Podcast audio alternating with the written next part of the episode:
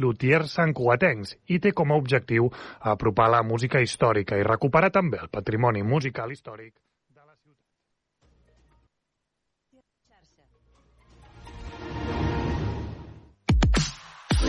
Aquest estiu, obert per vacances. Cada matí, de 9 a 11, a la teva ràdio local.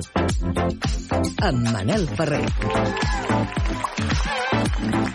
Molt bon dia, què tal? Benvinguts a l'Obert d'avui dimecres 2 d'agost del 2023, un dia en el que hem conegut una tendència en la pèrdua del poder adquisitiu, sobretot entre els treballadors menors de 25 anys que han vist que els seus sous després de la pandèmia han baixat un 1,3%.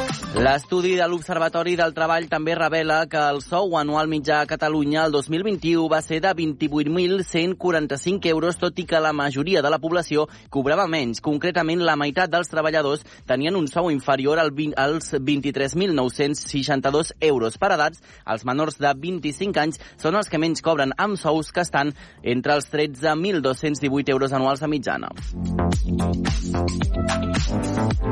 I avui també hem conegut la detenció d'un centenar de persones per estafes que cometien a través de SMS sense passar per bancs.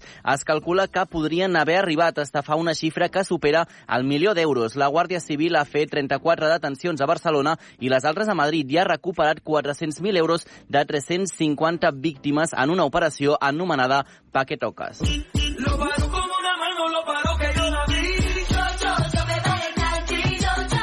I l'autoritat catalana de la competència ha sancionat Elite Taxi amb una multa de 122.910 euros per la campanya de pressió que van fer els taxistes perquè no s'adherissin a Uber. En un comunicat, en un comunicat l'ACO especifica que va ser a finals de 2020 quan Elite Taxi van engegar una campanya de pressió amb l'objectiu que els taxistes de l'àrea metropolitana no s'adherissin a la plataforma difonent per diversos mitjans una imatge negativa i de desacreditació cap a la plataforma. A més, indiquen que en algunes d'aquestes actuacions es van difondre dades personals com números de llicències i de matrícules o es va obstaculitzar la seva activitat. A més, Elite Taxi va fer públiques algunes pautes que indicaven com s'havien de realitzar accions de pressió i coacció contra els taxistes col·laboradors d'Uber i d'altres operadors. Con culo de mula. En el programa d'avui us donarem consells per fer una maleta organitzada. Descobrirem el projecte Everest. Estarem per descomptat molt atents als incendis que hi ha a casa nostra i també resoldrem el concurs sorteig de l'Espai Z en el que encara hi pots participar. En joc, dues entrades pel Saló del Manga. Només has d'entrar a la xarxa més, escoltar la primera temporada del podcast de l'Espai Z, escollir el personatge que més t'agradi i enviar-nos un àudio amb el teu nom, des d'on ens escrius, el teu personatge preferit i el motiu. Pren nota del telèfon al 628 841 055 628 841 055. Obert per vacances amb Manel Ferrer.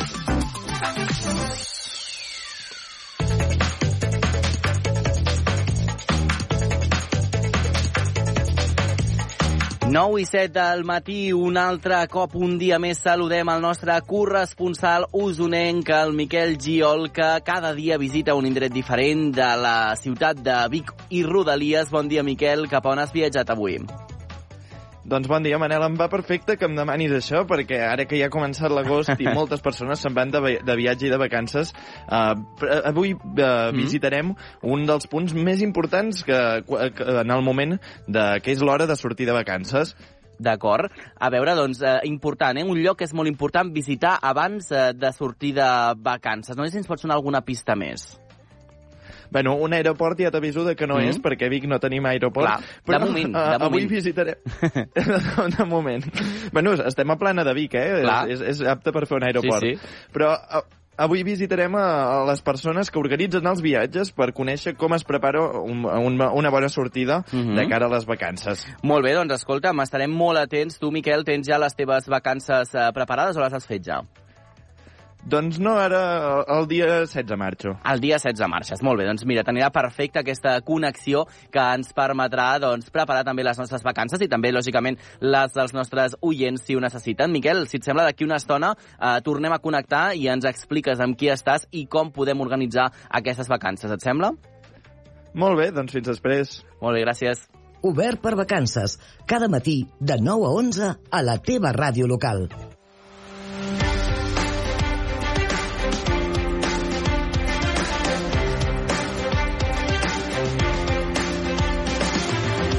I ho hem dit tan bon punt, començàvem el programa que estarem molt atents als incendis que hi hagin a Catalunya. Les temperatures elevades que es preveuen aquest mes d'agost incrementen el risc d'incendi forestal. Si bé la situació encara és estable, els boscos presenten una situació d'estrès hídric per la sequera acumulada dels darrers dos anys. Tenint en compte els incendis de les darreres hores a casa nostra, a Montroig del Camp, al Parelló i Collbató, els tres controlats, avui volem parlar amb Toni Mur, inspector en cap dels agents rurals, per conèixer la situació actual i veure com com tenim el territori en aquests eh, moments. Eh, bon dia, senyor Mur, com està?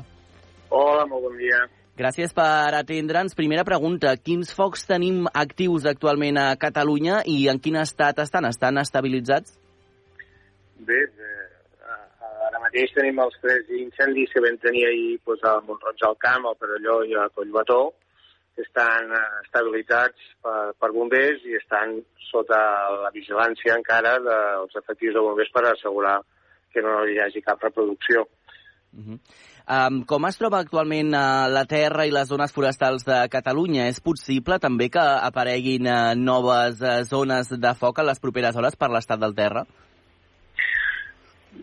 Bé, durant els propers dies, a partir de demà i fins dissabte, sí que tenim la previsió d'entrada de tramuntana a l'Empordà, de Mastrava, Terres de l'Ebre, i, uh, i un, un vent de component oest a l'interior de Catalunya que farà que realment el risc d'incendi sigui molt elevat. Uh -huh.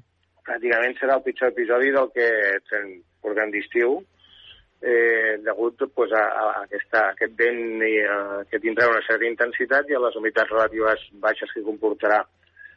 I a mm. més a més ens afectarà les zones on tenim una sequera acumulada més important, que és a, a l'Empordà, a la costa central de, de Barcelona, al Camp de Tarragona i a l'interior de Terres de l'Ebre. Per tant, es donen totes les circumstàncies perquè tinguem que fer una crida a la prudència durant aquests propers dies perquè les condicions seran eh, molt dures mm. i es poden produir i, un nombre important d'incendis forestals i que aquests tinguin una evolució molt ràpida.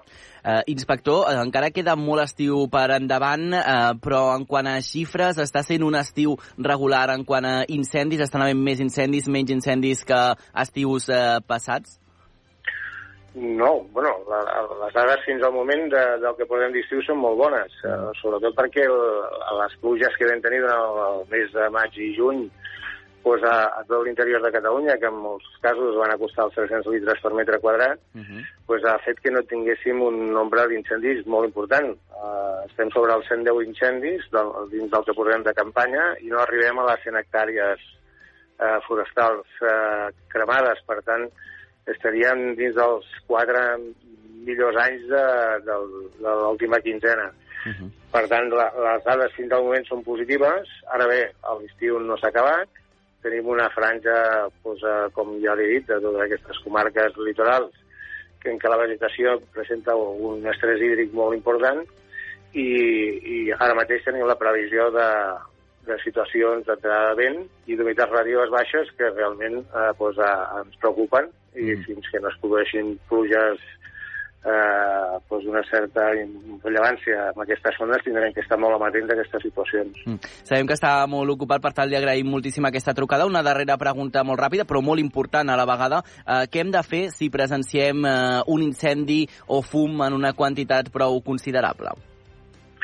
Bé, no només si observen fum, sinó també si observen qualsevol activitat imprudent per part d'algun ciutadà, el que han de fer és avisar de forma immediata al 112 perquè tant els mitjans d'emergència com els cossos policials puguin intervenir ràpidament per corregir la situació. Uh -huh. eh, tornem a fer una crida a la prudència, a mirar d'evitar de, pues, a les activitats al medi natural a les hores de màxima insolació i, i davant de qualsevol incident pues, a avisar ràpidament al 112. Molt bé, doncs uh, moltes gràcies, Toni Mur, inspector en cap dels agents rurals uh, de Catalunya, per uh, rebre també la trucada de l'Obert per vacances. Uh, si us sembla, guardem el seu contacte també per si ens fes falta de nou tornar a contactar amb vostè durant l'estiu. Moltes gràcies i que passi un molt bon dia. Gràcies a vosaltres. Fins la propera.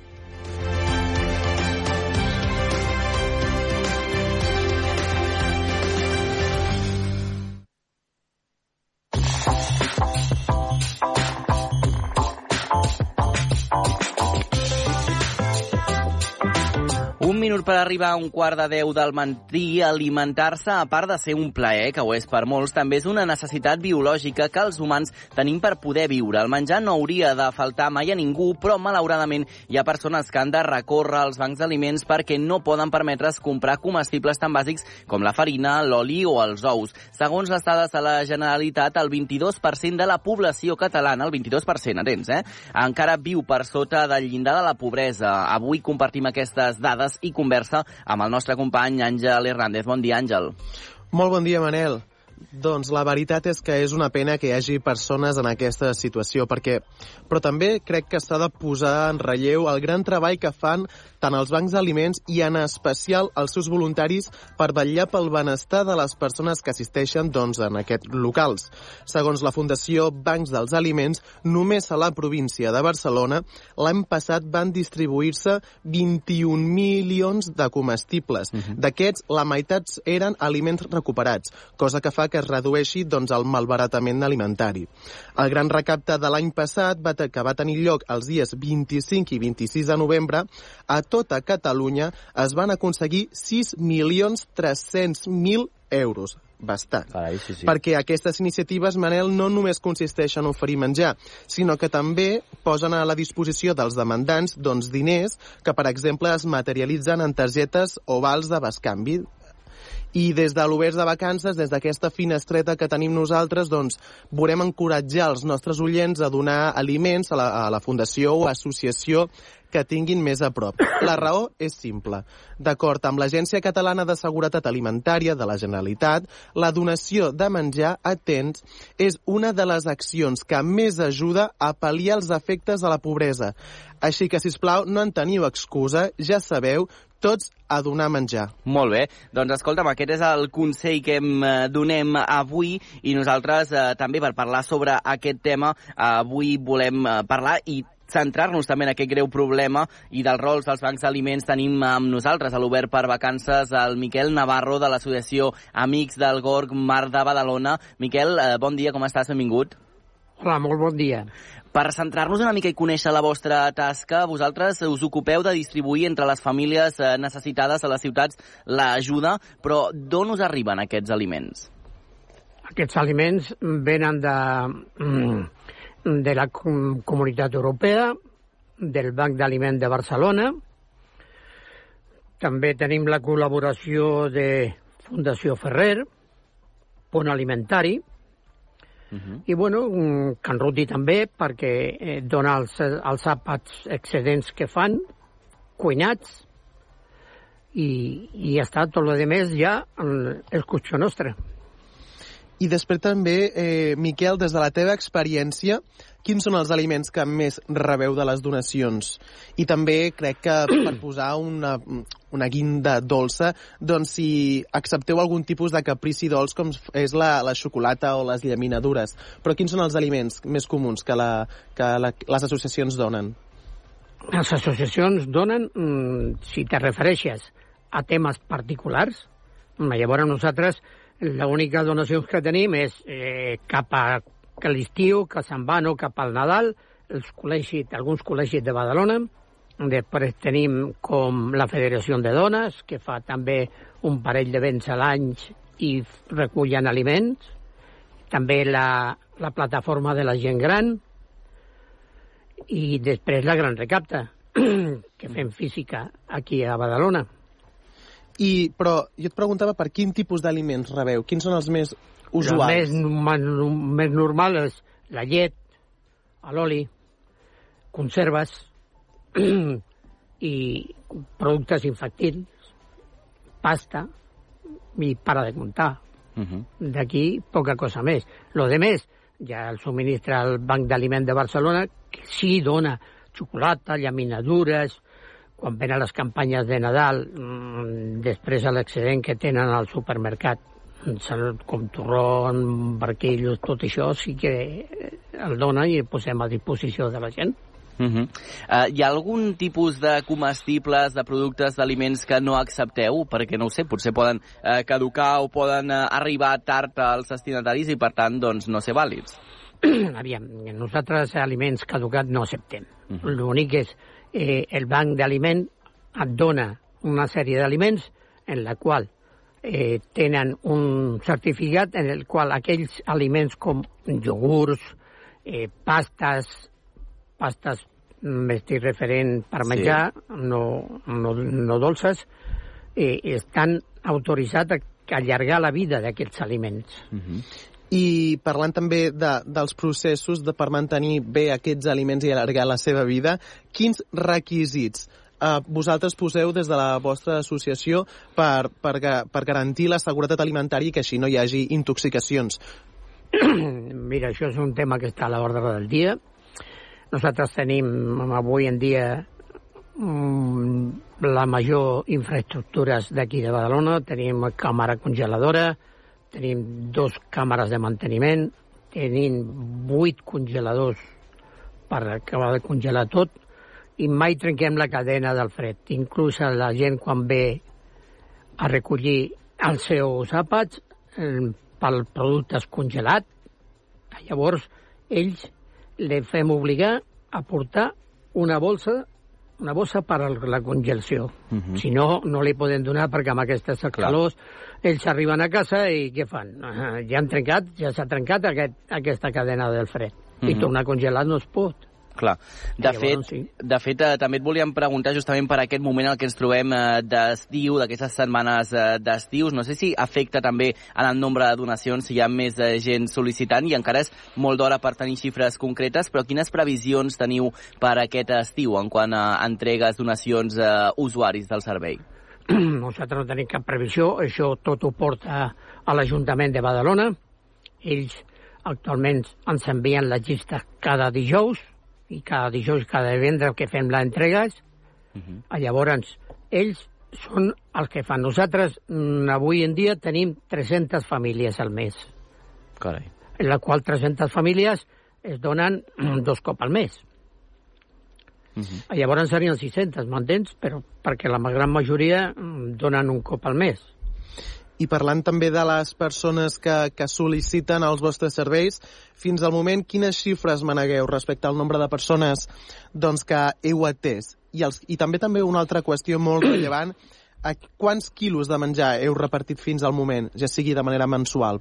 Em comentaves abans. Nos, aviam, eh, nosaltres, per exemple, aquest any en la primera entrega de la Comunitat Europea ens va arribar un total de 21.000 tones, la segona entrega que serà en la, a l'octubre i s'ha acabat perquè ja no serveix més. Un altres 21 tones que seran aproximadament. Del banc d'aliment cada mes ha anat a menys.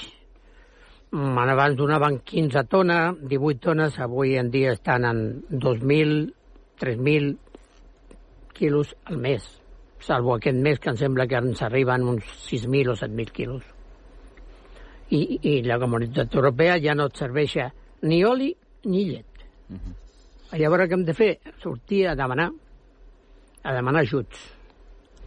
Doncs eh, importantíssim eh, que arribin aquests recursos i també doncs, com a ciutadania doncs, que ens involucrem tant com puguem, però també és veritat que aquestes institucions doncs, eh, seria molt important també doncs, que ajudessin al màxim possible, tenint en compte sobretot eh, que estem parlant al final de, de la salut i de l'alimentació de, de moltes persones que ho necessita. Àngel, va, vinga, remata, darrera pregunta.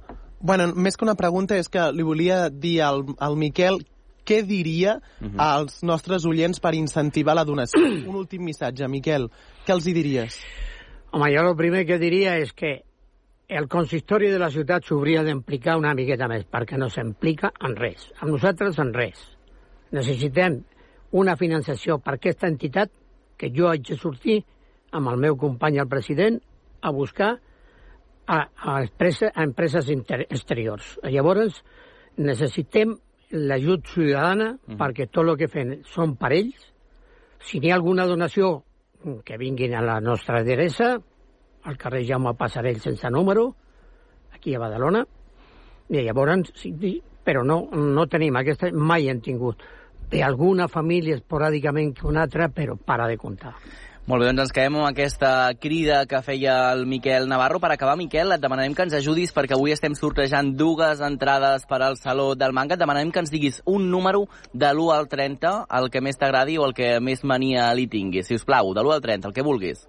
El 14. El 14. Molt bé, doncs aquest és el número que serà el premiat per aquestes entrades al Saló del Manga dins del nostre espai Zeta. Miquel Navarro, moltes gràcies per acompanyar-nos avui i també el nostre company Àngel Hernández, que ens tornem a escoltar el divendres. Gràcies als dos. A vosaltres. Moltes gràcies, Manel. Ens gràcies. veiem el divendres. I és que davant de situacions d'inseguretat alimentària que pateixen famílies i col·lectius vulnerables, el Prat de Llobregat fa un temps que està en marxa la Botiga, un projecte d'innovació social que a partir d'un servei de garantia alimentària treballa l'apoderament de les persones beneficiàries implicant-les en la mateixa gestió de l'espai. A més, adopta un model d'autoservei, és a dir, les persones usuàries no recullen lots d'aliments, sinó que trien els productes que necessiten a través d'un sistema de punts. Per conèixer tots els detalls, marxem al Prat amb la nostra companya companya Rocío Santa Eufèmia. Bon dia. Bon dia, Manel. Aquest servei ha canviat al llarg dels anys i en l'actualitat és un projecte comunitari amb una mirada de sobirania alimentària que procura garantir l'alimentació, promovent la producció local i de quilòmetre zero i impulsant el reaprofitament alimentari i el treball en xarxa des del territori. Així ho assegura la seva coordinadora, Maria Saiz ha canviat el caràcter, no? perquè realment és un projecte no?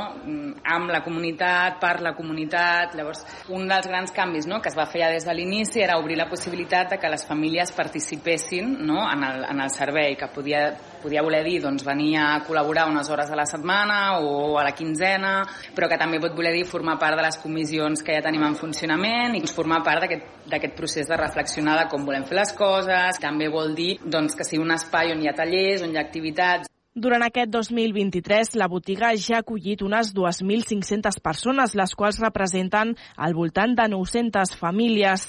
Un dels reptes de futur és obrir la botiga a tota la ciutadania pretenca i continuar generant aquesta cultura de participació entre les persones usuàries i les voluntàries. Obert per vacances. Busca'ns a la teva ràdio local.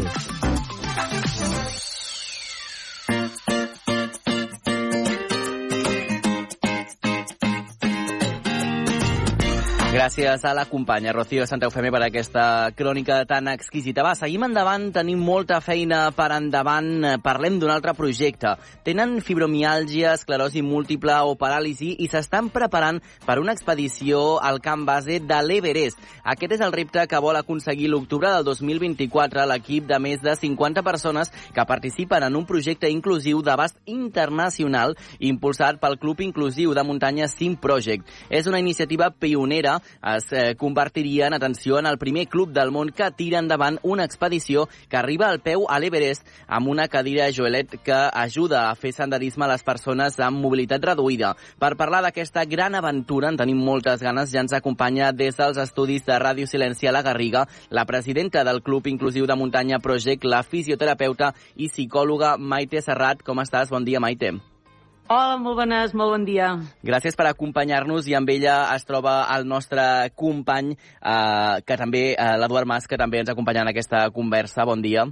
Bon dia, Manel. Doncs escolta'm, tenim moltes ganes, Maite, de conèixer aquesta iniciativa. Explica'ns primer de tot com neix aquest club eh, inclusiu de muntanya i quines tasques porteu a terme des de fa uns anys. Doncs el club neix una mica, bueno, la meva professió, jo sóc fisioterapeuta, psicòloga, treballo a l'hospital i em dedico doncs, al tractament de persones amb, amb fibromiàlgia, entre altres malalties, i una mica era per donar continuïtat, no? Eh, soc molt fanàtica de la muntanya, m'agrada molt i a més està reportat tots els beneficis, tant físics com psicològics, que té el medi natural i era una forma de donar continuïtat una vegada en acabat aquest eh, tractament que poguessin seguir millorant, però ja amb activitats a la natura. Llavors, quina millor forma que fer-ho a través de una entitat sense ànim de lucre, un club inclusiu de muntanya, que com jo sempre dic és un club excursionista uh -huh. normal, com qualsevol altre, escrit a la FEC, i amb les peculiaritats de que és per qualsevol persona. No és un club només per persones amb discapacitat o una diversitat, sinó que és per totes les persones que vulguin sumar en inclusivitat. Doncs importantíssim i també la pregunta, la següent pregunta que et fem és qui en formeu part perquè no és un club només per persones eh, doncs, que tenen eh, una discapacitat o alguna malaltia crònica, no? Exacte. Eh, hi ha qualsevol persona eh, tingui la titulació que tingui, mm. que de vegades també ens diu si és només per sanitaris i no és així, tot i que és veritat que alguna de les persones que formem part doncs, som, som sanitaris, però no tens per què ser sanitaris i ens unim doncs, en equip amb persones de CAFIT, que han estudiat a, a INEF, voluntaris, eh, persones eh, de l'ECAM, uh Mhm. -huh monitors, és a dir, qualsevol persona que li agradi la muntanya segur que té un lloc a Sim Project. Ah, Maite, uh, això és gent de, entenc, de molts municipis diferents, eh? D'aquí a mig Catalunya, gairebé. Sí, de fet, agafem... O sigui, qualsevol persona que vulgui sumar, el nostre lema sempre és aquest, no?, de poder ajudar i facilitar que qualsevol persona pugui accedir a, a la muntanya, a la naturalesa, amb independència de la seva discapacitat o de la seva diversitat. Ja heu fet sortida als vestiments, al Pedraforca, a la Pica d'Estats, eh, però en quin moment dieu, mira, ja sortim de Catalunya, ja que sortim ho fem bé i, i anem lluny, i és aquesta opció d'anar al Nepal, al camp base de l'Everest, que és la muntanya més alta del planeta. Quan, quan decidiu això? Sí, sí. Bueno, em vaig aixecar un dia al matí i ho vaig decidir. Vaig decidir que havia de plantejar un gran repte, eh, que en seguirem fent més. La idea és que cada any hi hagi un gran repte per cada una de les seccions. Tenim diferents seccions en el club, des de la secció de marxa nòrdica, la secció de senderisme, que és per persones que no poden caminar més de 4 quilòmetres i en terreny pla, la secció d'excursionisme, que ja són 10-12 quilòmetres i aquí ja anem a 600-800 de desnivell, i després l'alta muntanya. Llavors, la idea és treure un gran repte per totes les persones, però per les diferents seccions. Ara, el 2024, doncs és aquest del camp base de l'Everest, que he tingut la sort doncs, de- d'estar a diferents camp bases, conec eh, molt bé, i llavors és un viatge que no em resulta eh, complicat de poder organitzar. I llavors, el 2025, també ja estic preparant el gran repte per la secció de marxa nòrdica i senderisme. Doncs, eh, escolta'm, un projecte molt eh, interessant. De fet, eh, parlàvem d'aquestes eh, prèvies. Com teniu previst anar-vos preparant també per fer aquesta arribada? Perquè Maite i jo eh, llegeixo Everest i ja em sembla una cosa com molt gran i una cosa doncs, que, que implica moltíssima feina i moltíssima preparació. Com està sent aquesta preparació? Perquè entenc que, a part de físicament, també hi ha una part eh, mentalment eh, prou important, no? I tant, i sobretot de fer equip. Pensa també que jo sé que són paraules que al principi poden com espantar molt, no? de dir, ostres, Mm. anem al camp base de l'Everest, la muntanya més alta del món, però de veritat, creieu-me si us dic que, per exemple, un Mont Blanc és molt més complicat que no pas anar al camp base de l'Everest. És a dir, pujar un Mont Blanc et requereix tècniques de progressió hivernal, has de conèixer molt bé com encordar-te, l'ús de crampons, de piolet. Camp base de l'Everest no hi ha neu, Uh, llavors, bueno, una vegada arribem al camp base sí, però tot el que és el camí no té una dificultat tècnica. És caminar, evidentment entenent que caminem a 4.000 i a 5.000 metres. Llavors això, clar que requereix aquesta preparació, que per això ho vam anunciar en el 2023 i tenim aquests dos anys per preparar-nos amb diferents sortides, tant físicament com psicològicament, fer equip, no? No, no es tracta, són moltes persones, però no es tracta de que arribem el dia 24 i diguem, oi, doncs mira, començo a conèixer les persones, no? sinó que s'ha de fer un equip i també fem cursos de formació en el transport de la cadira Jolet. En principi tenim intenció d'anar-hi amb dues cadires, llavors també les persones han d'aprendre el funcionament de- d'aquesta cadira. Uh -huh. Això és l'octubre del 2024, però Maite, ho teniu planificat eh, ja dia per dia. Explica'ns una mica, així per sobre, quina és aquesta planificació. I tant. Tenim sortides, eh, vam començar en el 2000, eh, o sigui, l'any passat, i vam fer ja tota una programació de diferents sortides que anés augmentant la dificultat. De fet, eh, fa un parell de setmanes vam anar al Mont Perdut i ja aquesta era la idea, no? Es van fer dos pics, tant el Mont Perdut com el pic de les Oles, per les persones que no havien estat mai a més de 2.000 metres poder-se conformar, perquè una vegada arribem, fem un, hi ha un trajecte que es fa amb avioneta de Katmandú a l'Ucla i aterrem quasi a 3.000 metres. Per tant, ens hem d'assegurar i hem d'entrenar aquelles persones que no han estat mai en alçada que almenys aquests 3.000 metres són assumibles. I dintre de tota aquesta progressió, doncs això, dintre del nostre eh, calendari, tenim aquestes activitats ja programades de forma progressiva perquè les persones es vagin acostumant tant a caminar amb més quilòmetres també en alçada i per això ara al març de l'any que ve doncs, també tenim el Tupcal, que aquí ja pujaríem a 4.000. Llavors és tot un procés de preparació tant física com a nivell uh -huh. psicològic. Les persones que han de protagonitzar aquesta expedició amb alguna discapacitat o alguna malaltia ja estan seleccionades? O això és un procés eh, encara obert eh, que la gent s'hi pot presentar d'alguna manera o ja les teniu eh, escollides? Aquí no hi ha cap procés de selecció. Es pot apuntar tothom que vulgui. De fet, a l'inici Uh, bueno, eren un grup de no més de 20 persones, perquè déu nhi gestionar mm. ha 20 persones, però la veritat ens han arribat, uh, ens han seguit arribant sol·licituds, s'han volgut apuntar i no hem sapigut dir que no. Llavors ara estem a 64 persones, ara l'octubre d'aquest any sí que haurem de tancar ja el bitllet d'avió, perquè si no serà mm, impossible gestionar-ho, i, i a partir d'aquí però està obert a qualsevol persona, evidentment entenent el que és el camp base de l'Everest, que tot i ser que no tindrà cap dificultat tècnica, és un camp base amb els quilòmetres que s'han de, de caminar i de més, és a dir, qualsevol mm. persona pot contactar amb nosaltres i després miraríem uh, com fer-ho, doncs, no? com fer-ho per facilitar-li l'accés. Maite, és importantíssim perquè ens estaves uh, parlant d'aquests bitllets d'avió, lògicament doncs, hi ha un uh, finançament important darrere de tota aquesta uh, expedició. Uh, com us plantegeu també aquesta part de finançament i no sé si és possible que també la gent hi participi?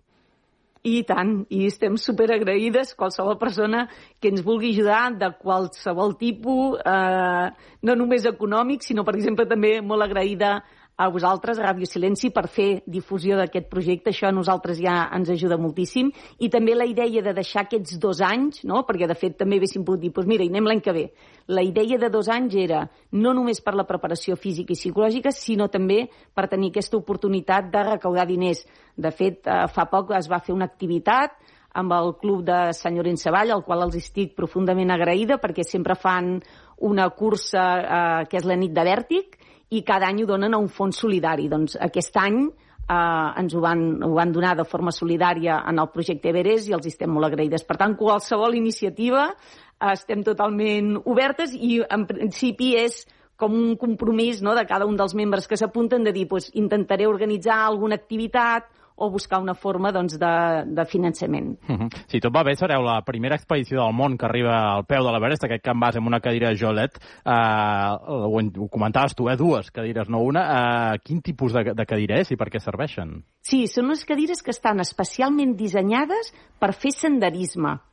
Uh, per tant, és una cadira que és per persones que tenen dificultats en mobilitat d'extremitat inferior.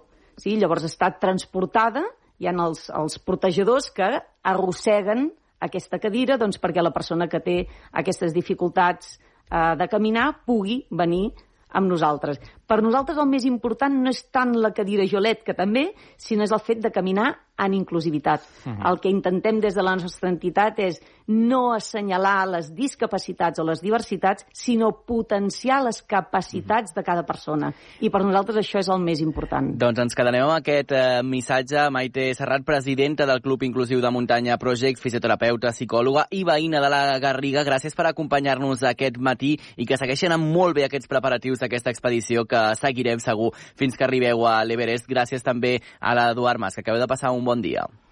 Moltes gràcies, gràcies bon dia.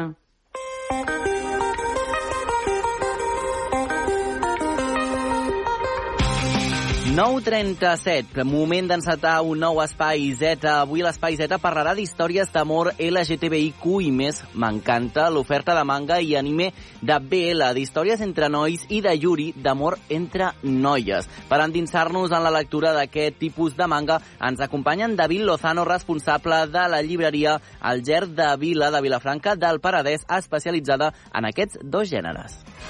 Els somnis i els anells 体中の細胞に火を起こすように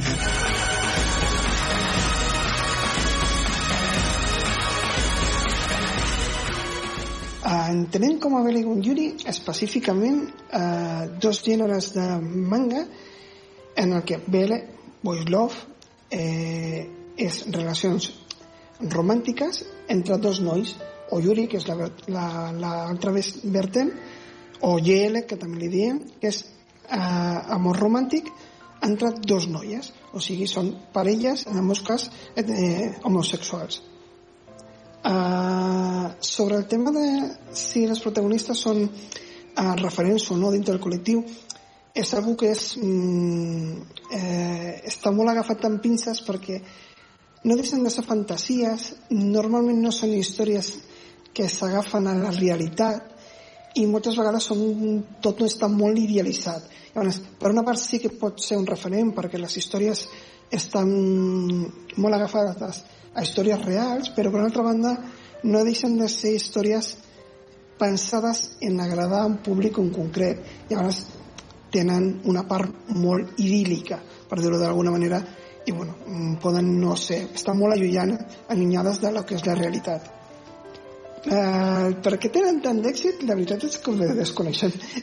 Uh, entenc perquè està molt normalitzada potser el tipus de relacions, uh, lo clàssic de relacions heterosexuals uh, ara mateix ja cansa una mica i el públic normalment és bastant jove.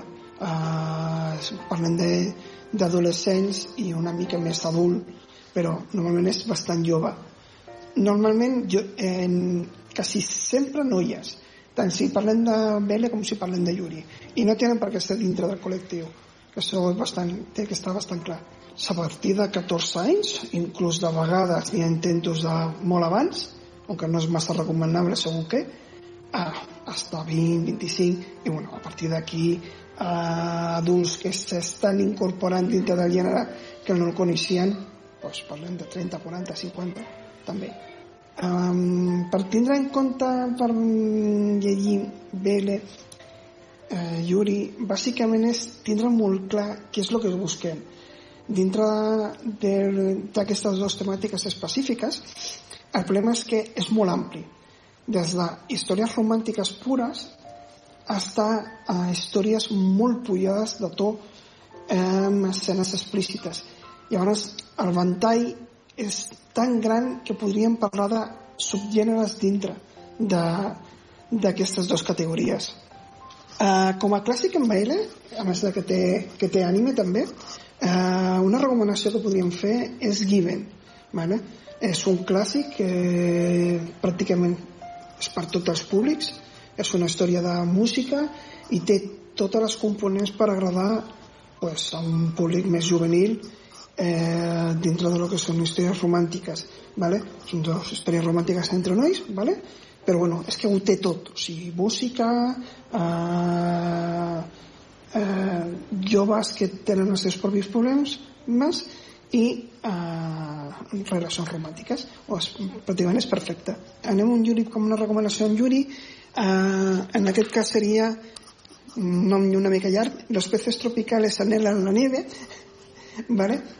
És perquè dintre de, del Yuri és tot bastant eh, igual és, no és tan complicat com el BL però les històries romàntiques a vegades costa més trobar-les que, que siguin tan ben fetes des del principi fins al final i que siguin una miqueta més maques tenint en compte que bueno, tenen una vertent més, més relaxada no? és, eh, i també dintre del Yuri eh, podríem dir vampirs ¿vale?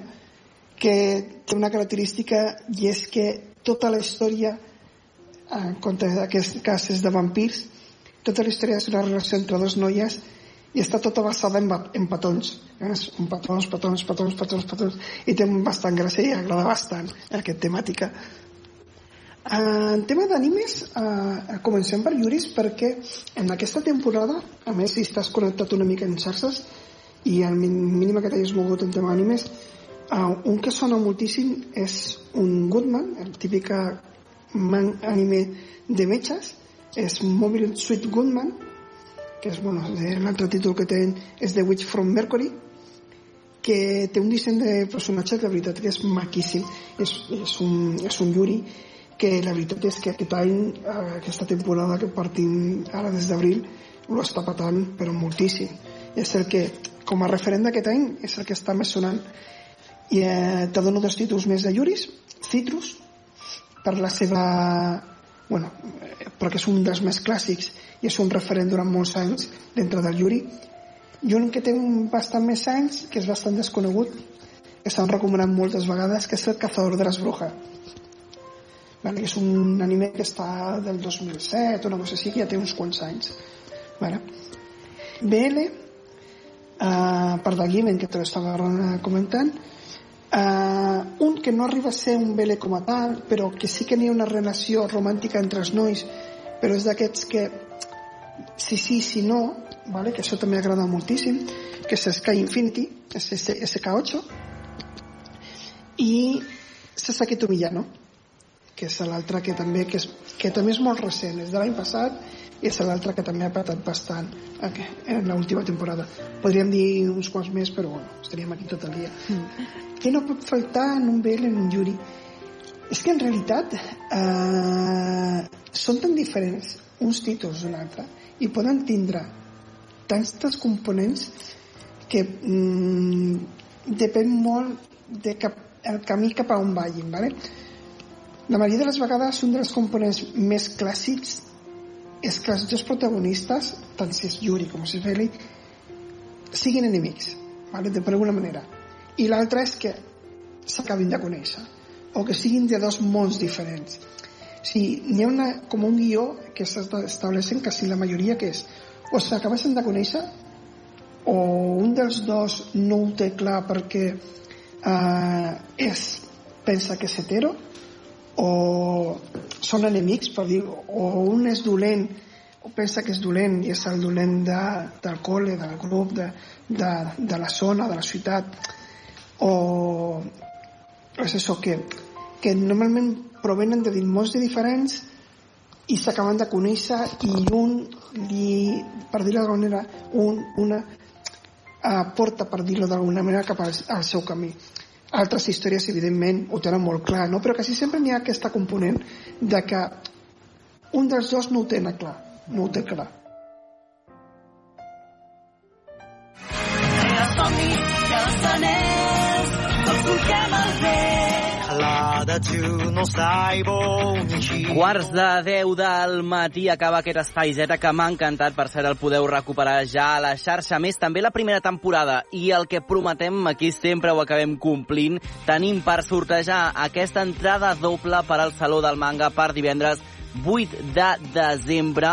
Anem a resoldre. Va, a veure, qui ha estat el guanyador o guanyadora? El número que ens deien al principi del programa era el número 14, que correspon a... La Sheila Bermejo que ens enviava aquesta resposta. Hola, sóc la Sheila Bermejo del Prat de Llobregat i el personatge que més em va agradar de la temporada 1 del podcast Espai Z és l'Arare de Doctor Slum.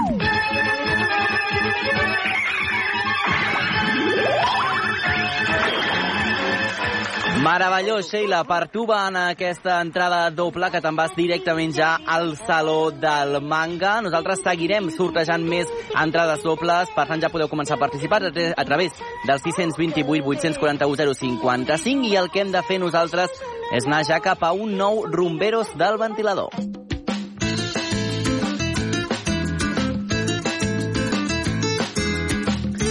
Moltes de les persones que tinguin records personals dels anys 70 i 80 recordaran, els sonaran o hauran ballat en algun moment cançons de Rumba 3. Eren un dels conjunts que van fer triomfar la rumba catalana a les ràdios i a les discoteques i que van portar el so de la guitarra ventilador arreu d'Europa, fins i tot a l'Europa de l'altre costat del taló de ser. Rumba 3 va sonar a Polònia, l'equivalent del Festival d'Eurovisió dels Països de l'Est. Ens ho explica el nostre company amic Xavi Collado en un nou capítol de Rumberos del Ventilador.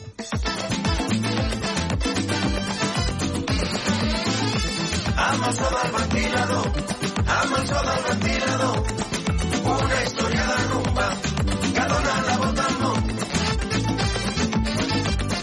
Que dona la volta al món. Esto es felicidad, en trabajo ni hablar, ole, ole. Esto es fenomenal, vaya forma de volar, ole, ole. Yo canto mi rumbita de noche y de día. No tengo señal con la día para dormirme vida mejor. Rumba 3 és un dels grups que va marcar la història de la rumba catalana. Cançons com Perdido Amor, No sé, no sé, Tengo lo que quiero o Quiero ser feliz van marcar la memòria col·lectiva d'un país.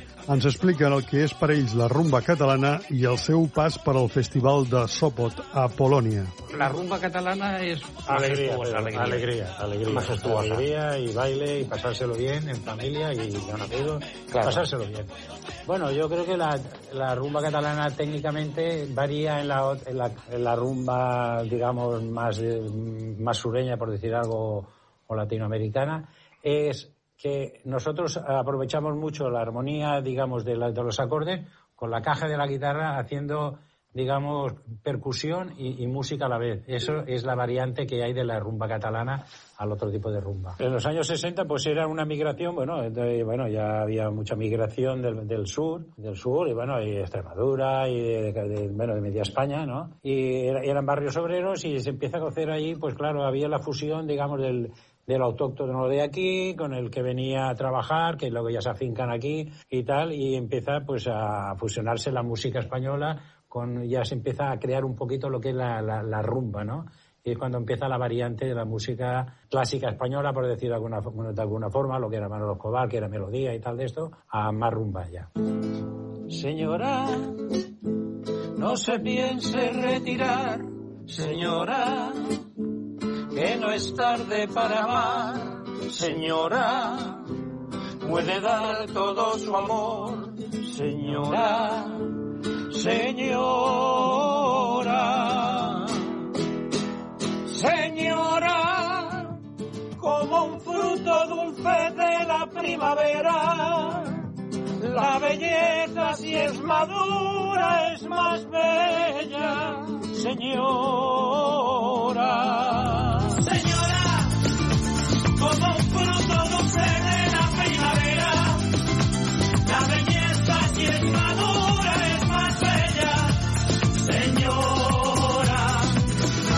La rumba catalana és alegria, és, una, és el Dalí, és el Dalí de, de, de, de, de la pintura, la rumba catalana. Bodeguero, dame otra copa de champán. Quiero ser muy feliz. Esta noche todo lo tengo que olvidar. Quiero ser muy feliz. Pasada la medianoche, ya todo se me confunde. El alma se me levanta y entonces yo me pongo a bailar. No sé qué tiene tus ojitos que me vuelven loco, Belén, que me vuelven loco.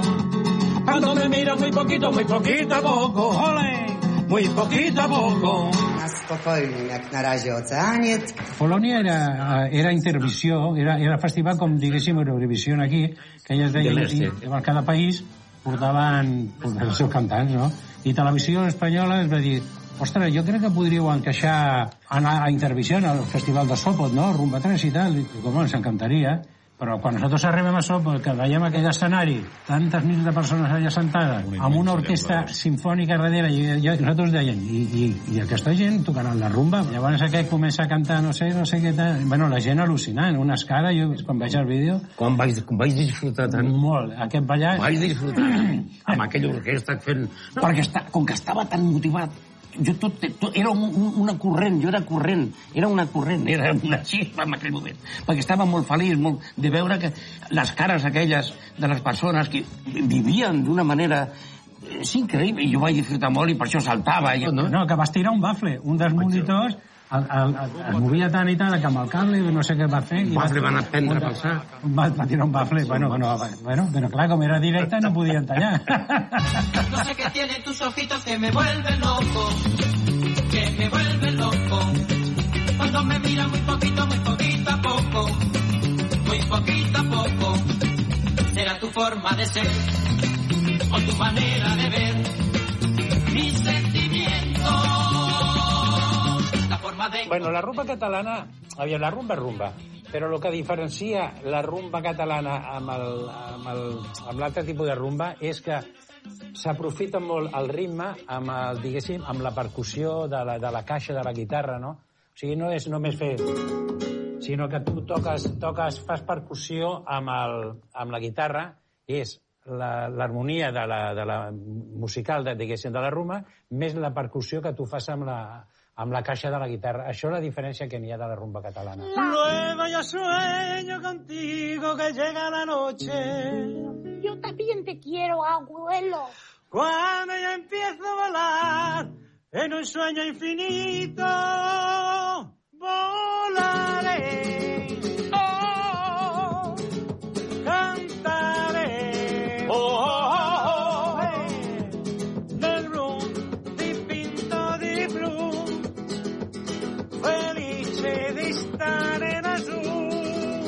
Les nostres cançons són molt divertides. Les lletres són molt divertides. Són, són molt senzilletes, també.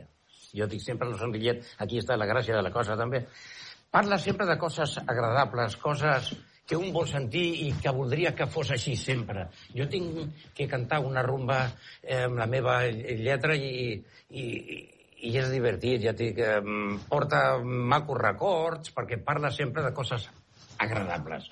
Res de que si, que si la trena, que... No, no, no, no. Parlem de coses alegres, simpàtiques, coses senzilles. Això és la, la, les nostres lletres. La lletra de, clàssica de Rumba 3, no? O sigui, és cantar l'amor, l'alegria, eh, diguéssim, eh, el que ha dit el meu germà Pere, és, és, és, és, són lletres són lletres que de cançons, o sigui, que hem adaptat a, a la rumba, no? O sigui, això, la, la lletra que nosaltres fem de la rumba podien ser tranquil·lament una melodia d'una cançó melòdica i adaptada a la rumba, i són alegria, senzillet, i passar-s'ho bé, i això són les lletres de Rumba 3. Ya no te puedo querer, mi cariño se acabó. Lo quemo tu falsedad, tus palabras de papel. Ya no te puedo querer, mi cariño se acabó. La tristeza del ayer, tiempo se la llevó. Te di mi noche de amor. Te di mi besos de flor.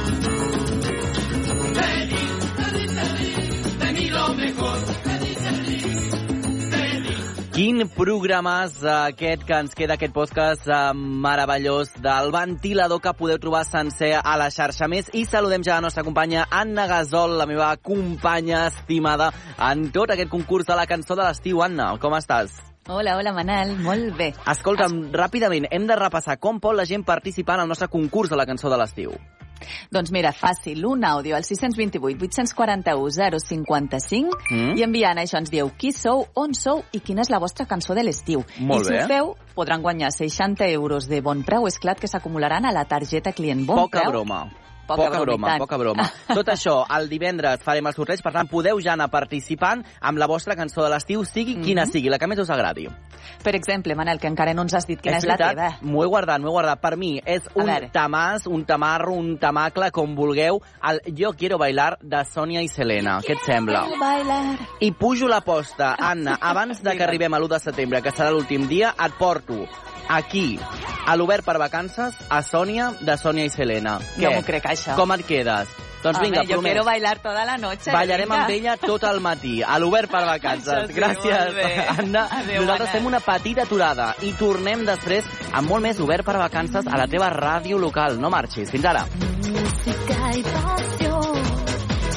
Te tengo en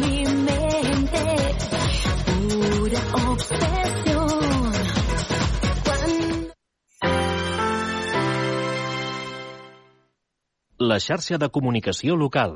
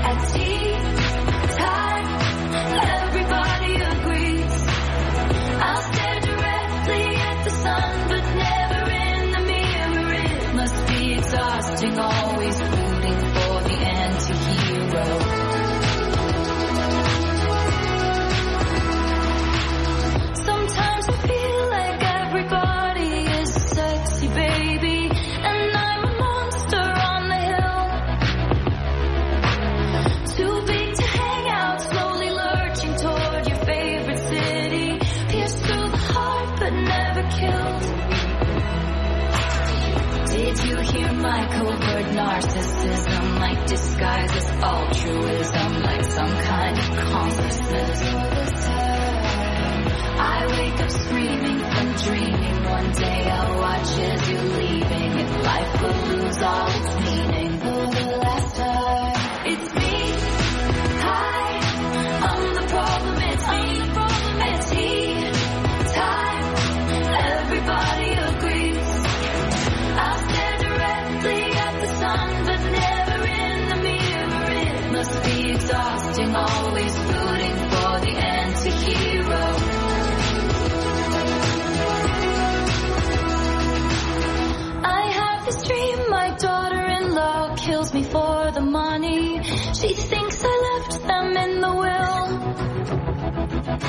The family gathers around and reads it, and then someone screams out, She's laughing up at us from hell. It's me. I am the problem. It's me. It's me. I am the problem. It's me. It's me. Hi. Everybody agrees. Everybody agrees. La xarxa de comunicació local.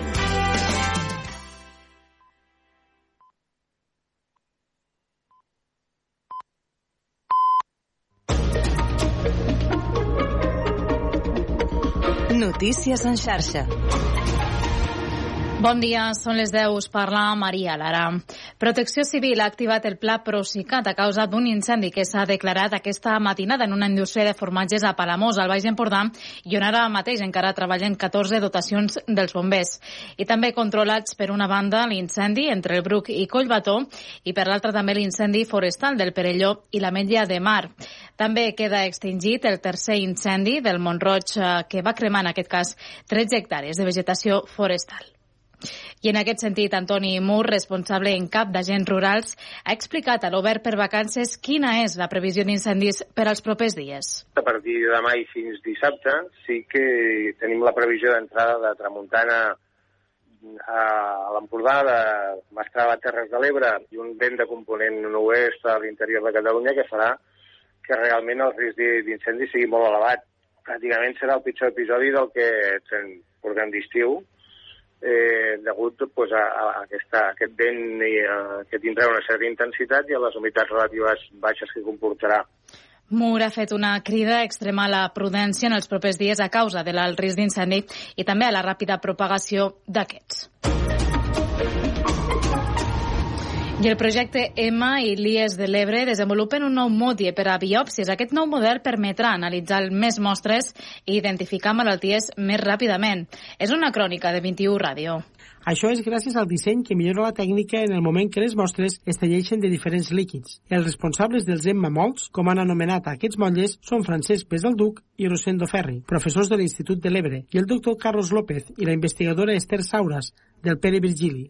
Trobar una solució a un problema que havia de- detectat a una sèrie de, de motlles i a partir d'aquí bueno, vam, vam parlar i vam decidir buscar una solució.